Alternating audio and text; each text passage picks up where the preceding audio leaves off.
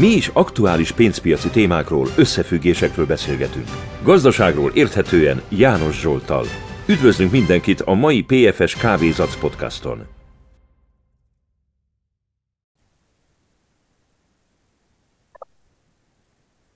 De ja, a hétvége előtt nem unalmas az életünk.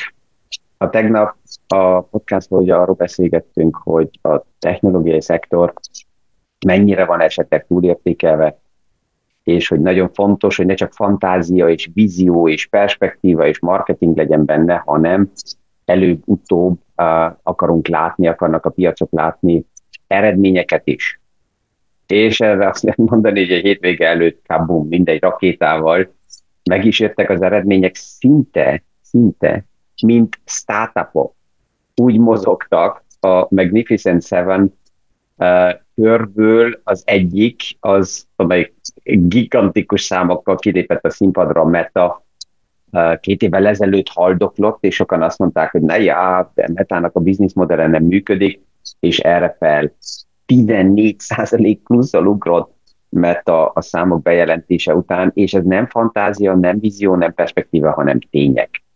A második, amely gigantikus és hasonló számokkal kilépett a színpadra, az Amazon nagyon széles üzleti modellel, és itt is mint egy kicsi startup, tehát csak dörzsölöm a szememet, ugrott az árfolyam itt is, azt hiszem, 12 kal És hát a harmadik, amelyik ugye ott van, és még a KI fantáziáját nem mutatta be, az Apple, de nála is a számok sokkal jobbak, amit elvártak, de ő nagyon szenved Kína miatt. Tehát ez így röviden az aktuális számokhoz, ezt így a hétvégén biztos, hogy szét fogom szedni, tehát hétfőked nem lesz unalmas, lesz miről beszélgessünk.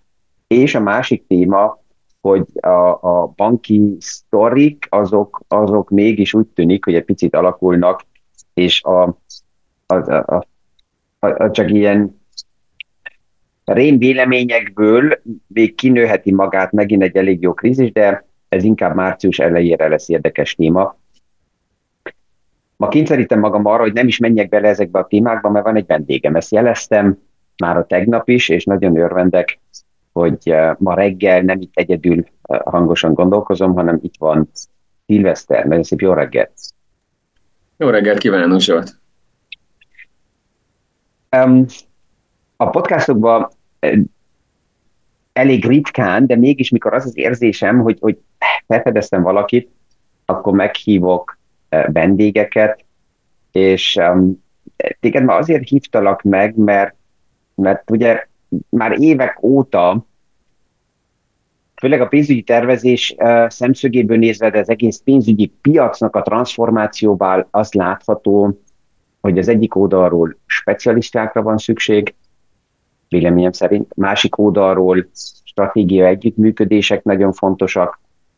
És ugye a, a pénzpiaci piacnak bizonyos részei um, nem így a nagyon vonzó munkakörökhöz tartoztak az elmúlt évtizedekben, és ezért én nagyon szelektíven, főleg olyan szakembereket keresek, akik um, uh, egy bizonyos szemszögből szenvedéllyel végzik a munkákat, uh, különböző szakmákba találtam már ilyen embereket, és amikor téged megismertelek egy olyan jó évvel ezelőtt, akkor hasonló csillogást láttam a szemedbe, és ahogy hozzáállsz a, a munkádhoz, és uh, örvendek, hogy elindult egy stratégia együttműködésünk, így a Hungarikum platformon belül, uh, mert ott mi ugye a pénzügyi tervezés, tőkepiaci témákba uh, reméljük, hogy szakmai partnerként pozícionálni tudtuk magunkat, a másik oldalról pedig nagyon-nagyon ki vagyunk mi is éhezve arra, hogy legyen olyan top, top uh, szakember a biztosítási témakörökben, mint a, a, amilyen benned megismertem. És így tehát egy kicsit be akarlak mutatni is persze, hogy miért uh, működik sikeresen ez a stratégia együttműködés, um, hogy ne csak én dumáljak, ezért persze, hogy kérdéseket is akarok neked feltenni, hogy uh, egész röviden el tudod mondani, hogy mi történt nálad, mert mindenkinél valami történik általában, hogy ennyire te szenvedélyesen belementél a mai profi munkádba, mint biztosítási alkusz specialista. Tehát mi, mi, mi volt az a szikra?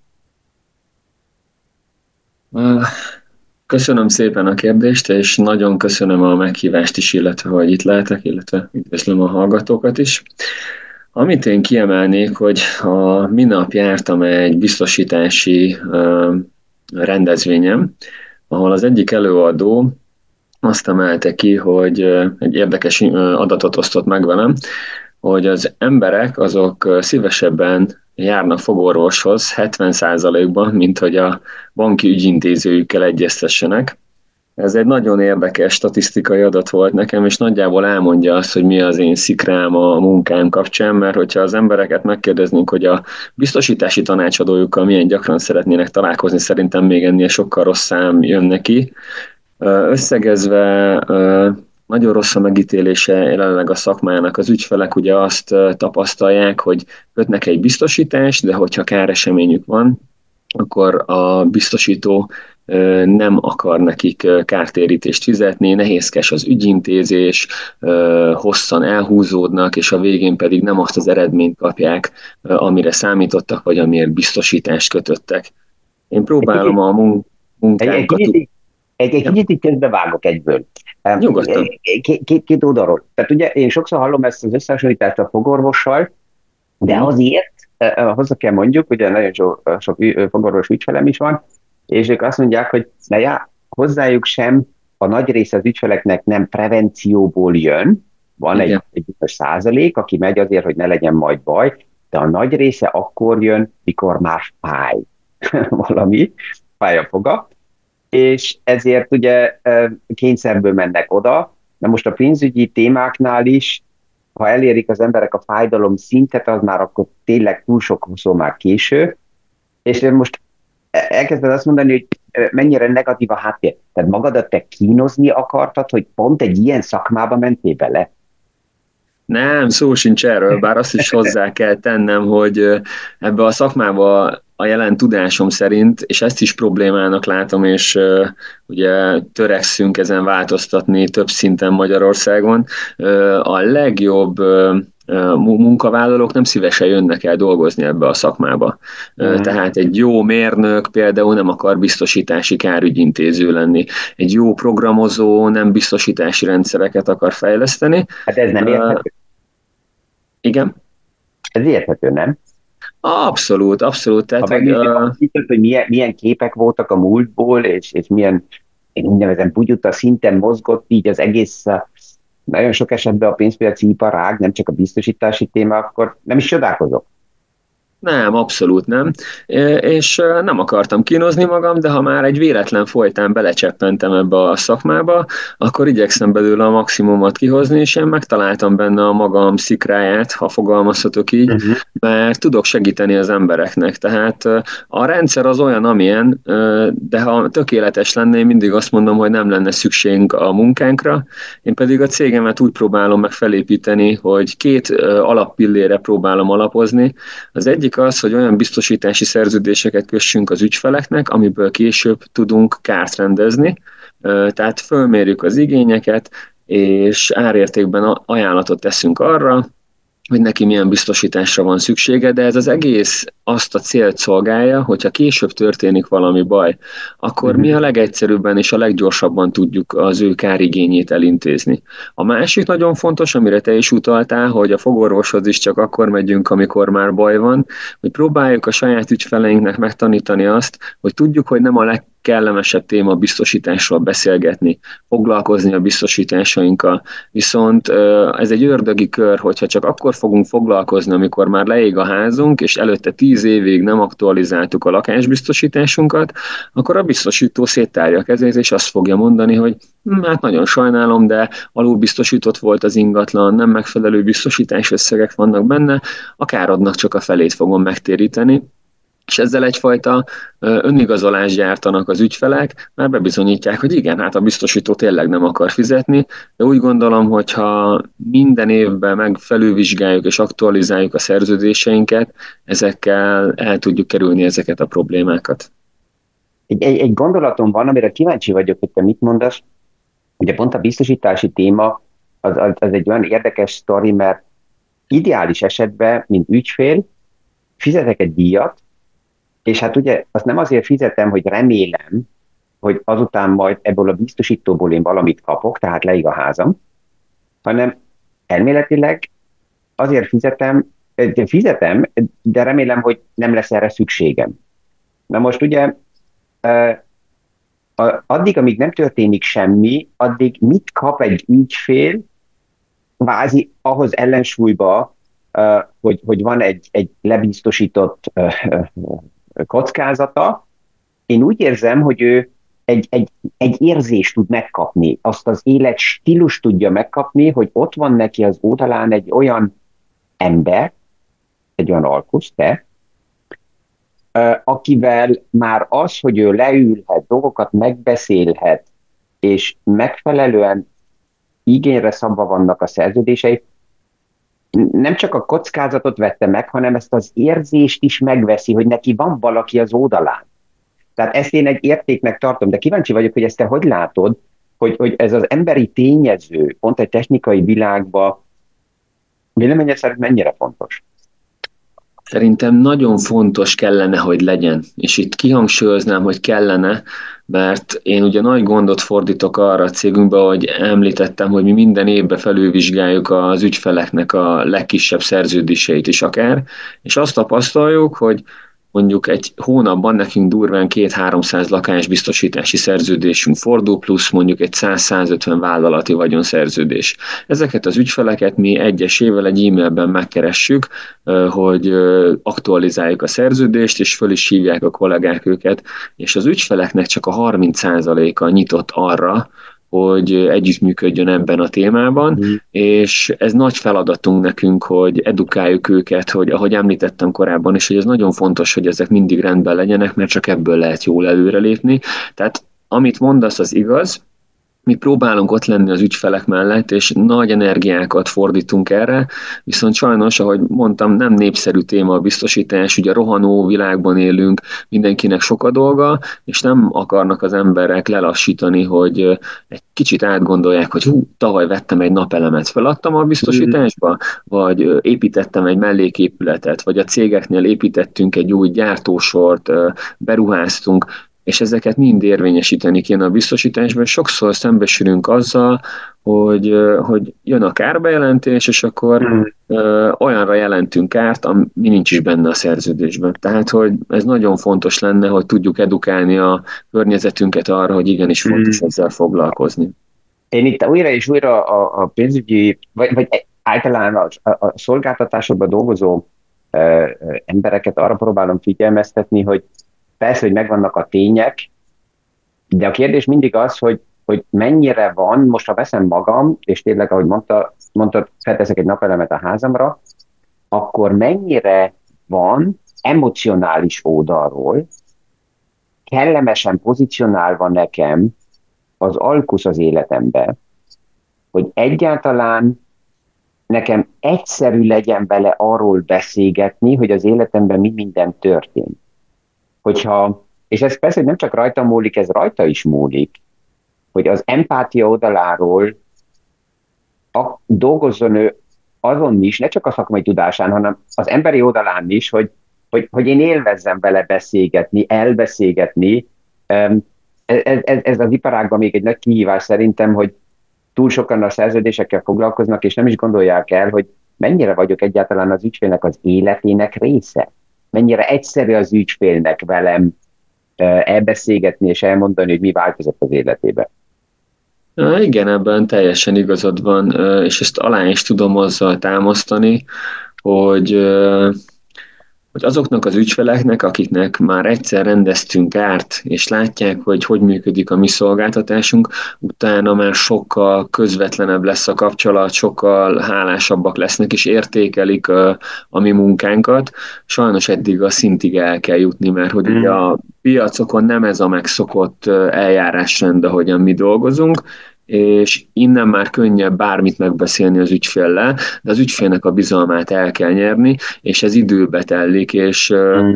mm, hosszú évekig ugye látnia kell, hogy te ott vagy vele, mindig, minden évben keresed, és ez nem úgy működik, hogy egyik pillanatról a másikra az ügyfél neked ajándékozza a bizalmát, tehát hogy hmm. ezért dolgozni kell. Abszolút, és um, ezért is ahhoz, hogy ez kialakuljon, én azt látom, hogy az egész, nem csak Magyarországon, egész Európában, a pénzpiaci szektorban egészen más személyiségi típusokra van szükség a jövőbe pont másképp pozícionálni magukat a tanácsadóknak, mint amit az elmúlt évtizedekben láttunk. Um, itt, itt, itt a múltat abszolút nem tudjuk áttenni, mert, mert, mert mások voltak a, a megközelítések, a modellek, minden. Van éppen egy előadásom, amelyiknek a címe pont ez, hogy az high-tech világba a high emocionális képesség nagyon fontos, mint válasz. De egy kérdés még engem érdekel, és ez az, amit én feszegetek, mert ugye Európa szerte keresem mindenütt a kollégákkal a stratégiai együttműködéseket, és a biztosítási témában dolgozóknál ez a legtöbb esetben nem működik. Um, nagyon sokszor van az, hogy esetleg van egy érintkezés, és akkor a legtöbben így, akik a pénzpiacban dolgoznak, azt mondják, hogy hát minek stratégiai együttműködés, ezt meg tudom én saját magam oldani, és akkor ügyeskednek minden témába bele. Miért voltál te nyitott? Ez, ez érdekel, hogy, hogy mi a gondolatmenetetek, hogy te nyitott voltál egyáltalán arra, hogy mi stratégia együttműködésekbe menjünk? Mi, mi, mi ketyeg nálad másképp, mint a többieknél? Én mindig, nálam ez egy evidens gondolat, és egy nagyon, nagyon egyszerű gondolat, hogy mindenki azzal foglalkozzon, amihez ért. És uh-huh. Nekem a 24 órámból 13-14 órát az tesz ki, hogy ugye kárügyekkel foglalkozom, kockázatot mérünk fel, és javaslatokat teszünk az ügyfeleknek, hogy milyen szerződést kéne kötni ahhoz, hogy káresemény esetén kártérítést kapjanak. Ebben már nem fér bele ahhoz, hogy én mondjuk a pénzügyi tanácsadáshoz is értsek, és tudjak javaslatot tenni. Hát ez egy nagyon nagy felelősség. Tehát, hogy én mindig úgy vagyok vele, hogy mindenki maradjon a kaptafánál, azzal foglalkozzon, amiben szakember, meg amiben tudása van, és amihez meg nem ért, ott keressen egy hozzá hasonlóan magas szakértelemmel rendelkező másik embert. Ez számomra nagyon egyszerű, de amit mondasz, az valóban igaz. Én is tapasztalom, hogy sokan kötnek biztosítást, viszont amikor meg kárrendezés van, akkor nem tudják a megfelelő segítséget megadni az ügyfélnek, és ezzel sajnos rontják a, a szakmának a megítélését. Hát ez, amit mondasz, ez lényeges, ez, ez az, ami így az elmúlt 35 évben, mióta foglalkozom így a, a piacokkal, megváltozott, ha, ha azt nézzük, hogy mi szükséges szakmailag egyes termék kategóriához, akkor ez lehet, hogy régebb volt mondjuk azt most emeletes szintbe, három emeletes ház, ez ma a megváltozott világban az legalább egy 30 emeletes ház, tehát sokkal mélyebben benne kell lenni a részletekbe, hogy pont, pont amikor kritikus a helyzet, az ügyfélnek tudjon ugye valaki eh, segíteni, és ez felelősség kérdései. Eh, csak hogy mondom a számokat, hogyha hallgatótok a dimenziókat is érezzék, hogy te annak ellenére, hogy ennyire fiatal vagy, és eh, néztem is, hogy mikor kezdted el a piacba a munkádat, ez, ez, ez nagyon sokszor a vendégeknél megkérdezem, hogy milyen Lehman élménye volt, de ezt nem is tudom megkérdezni, mert amikor a Lehman story volt 2008. szeptemberében, akkor te még nem is voltál kvázi az iparágba, és azóta felépítettél egy gigantikus hátteret, körülbelül szűk 60 ezer élő szerződés az állományotokba, 20 kollega plusz közel körülbelül 100 vállalkozásba dolgozó partner, akivel dolgoztok. Itt nekem persze egyből az a kérdés ugrik be, hogy hogy kezeled a felelősséget. Mert, mert hát ugye egy nagy csapattal dolgozni, ez azt is jelenti, hogy, hogy nap mint nap um, felelősség kérdése merül fel a piacba, és uh, egy ekkora dimenzionál ez, ez kíváncsi vagyok, ezt, ezt hogy látod? Nem nagyon szoktam ezen gondolkozni, de magát a felelősségét azt nagyon intenzíven megélem. Tehát nekem a munkám az lehet, hogy ez elcsépelt, de nekem ez a szenvedélyem, tehát én reggel fölkelek, és a napomnak a 90%-át azt tölti ki, hogy ezzel foglalkozok, és mindig próbálunk egy kicsit az ügyfelek helyett gondolkozni, uh-huh. hogy, hogy próbáljuk megóvni őket attól, hogy légy szíves, foglalkozzunk ezzel, meg mi nem dolgozunk országos szinten például, tehát uh-huh. én Vas megyei régióban dolgozom Magyarországon, itt van ez az általad említett szerződésszám, és például, ha egy egyik ügyfelem cégem épülete mellett elsétálok, és látom, hogy beruházást végez, hmm. és vagy, vagy elmegyek autóval, és nem szólt nekünk, akkor én fölhívom, hogy hú, erre majd azért figyelj, ilyen nem fog sok pénzbe kerülni, tehát ilyen évi 1-2 ezer forint, de ha, de ha nem szólsz, akkor gond lesz ebből a kárnál, és szerintem ezek a közvetlen dolgok fontosak, hogy nekem ugye ki kell mennem az utcára, mivel szűk környezetben dolgozunk, itt Vas megyében. Nekem holnap, hogyha az ügyfeleimnek kára lesz, akkor nekem az arcomat kell adni hozzá, és ez számomra nagyon fontos, hogy olyan szolgáltatást nyújtsunk, amivel önazonos tudok maradni, és, és büszke lehetek arra a szolgáltatásra, amit nyújtunk. Amit te most mondtál, ez annyira lényeges dolog. Um, egy, egy nagyon okos ember, akivel az elmúlt évtizedekben többször dolgoztam, ő így idézetben, mikor valaki specializálni szerette volna magát, vagy azt mondta, hogy valamilyen dolgokban jó, akkor mindig azt a kérdést tette fel, hogy where is your garden? Tehát hol van a te kerted? És azt mutasd meg, és ha valaki, mint kertész is megvan a kertje, és az a saját kertjében dolgozik, akkor ő ott ismer mindent, fűt, fát, bokrot, burján, mindent, és ezt tudja kezelni, és ez a, a, a pénzügyi szolgáltatás dolgozóknál is, és ez nagyon lényeges, hogy ezt így kimondtad, nagyon fontos, ha valaki egy regióban ma dolgozik, akkor ha ő jól végzi ezt a munkát, akkor érzi és ismeri a regiót, és pont ahogy mondod, pont, pont ez az az apró szikra, amit szerintem az ügyfelek, mint, mint érzés szívesen nem is tudják bekövetelni, mert nem ismerik, de ha megkapják, akkor, akkor jól érzik magukat ezzel pont, hogy te szólsz neki, hogy látom, hogy mi hogy alakul, és hogy te a te szemszögedből csak mondod, hogy ez egy olyan téma, amit majd megnézzünk, hogy kiegészítsünk, vagy kérés nélkül küldöm neked, hogy, hogy ezt kalkuláltuk, és ez ennyi lenne, és hogy, tehát,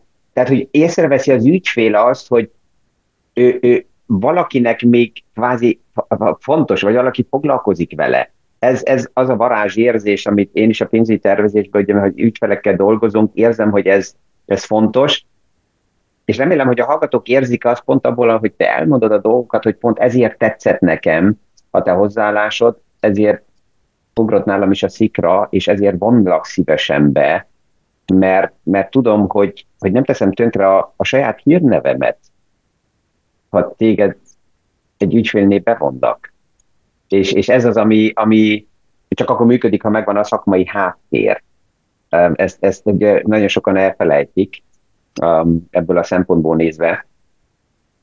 Sajnos az időnk mindig nagyon, nagyon rövid, mikor így egy, egy podcastba valakit meghívok, mert ugye a 20 percben vagyunk, de a jó hír az, aki egy kicsit kedvet is kapott, hogy mi folytatni fogjuk ezt. Um, Szilveszterre közösen azt terveztük, hogy február 21-én egy következő diványbeszélgetést, ahol ugye nem csak podcast formában, hanem élőbe is beszélgetünk egymással. Egy diványbeszélgetést fogunk uh, pont szombathelyen közösen a, a beatrix is felvenni, hármasba beszélgetve, és ott, ott a gondolatmeneteket egy kicsit folytatni fogjuk. Ennek nagyon örvendek, hogy, hogy ezek a lépések így ebbe az irányba is egy picit elindulnak.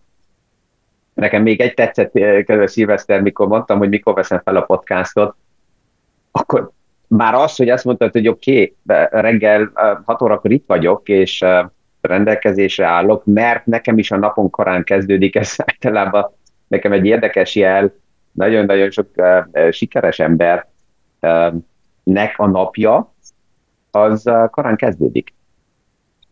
Ez mindig így volt, vagy ez valahogy most alakult nálad csak ki? Nem, nekem ez már gyerekkorom óta e, így volt, és ez ilyen szokásá vált, és ilyen ufónak néznek a környezetemben engem az emberek, mivel én fél négykor kelek mostanában, és én gyerekkoromban sportoltam, és én edzés után már nem tudtam aktívan tanulni, azért berögződött, és akkor az évek alatt egyre előrébb jött, hogy egyre több feladat lett, most már családapa lettem, úgyhogy hogy hazaérek időbe a kisfiamhoz, fél négykor föl kell kelni, és nagyon élvezem, amikor reggeli órákban, csendben, nyugalomban fel tudok készülni a napomra, és meg tudom szervezni az adott napi teendőket. Nyugodtan hát, indulok neki a napnak, elvégeztem a házi feladatomat.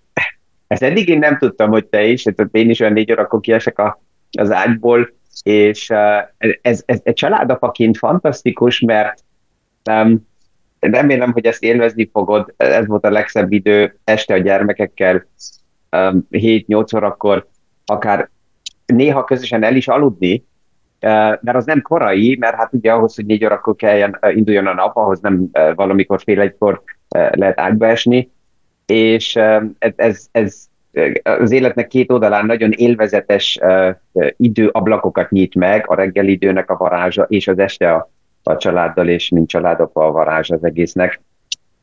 De most megint bedobtál egy olyant, amit eddig még nem tudtam, de érdekes. Lehet, hogy még többet kell beszélgessünk. Én kívánok neked és a családnak nagyon kellemes hétvéget. Köszönöm, hogy itt voltál, köszönöm a gondolatokat, és eh, már várom, hogy 21-én egy nagyon érdekes beszélgetést felveszünk közösen. A hallgatóknak pedig kívánok ugyanúgy eh, kellemes hétvéget, jó és mindenkinek, és um, ja, minden esetre a jövő héten újra a következő PFS Kávézat podcast alkalmából halljuk egymást. Viszontlátásra és viszonhallásra mindenkinek. Köszönöm én is a lehetőséget. Mindenkinek szép hétvégét kívánok. Mi is aktuális pénzpiaci témákról, összefüggésekről beszélgetünk. Gazdaságról érthetően János Zsoltal. Üdvözlünk mindenkit a mai PFS Kávézac podcaston!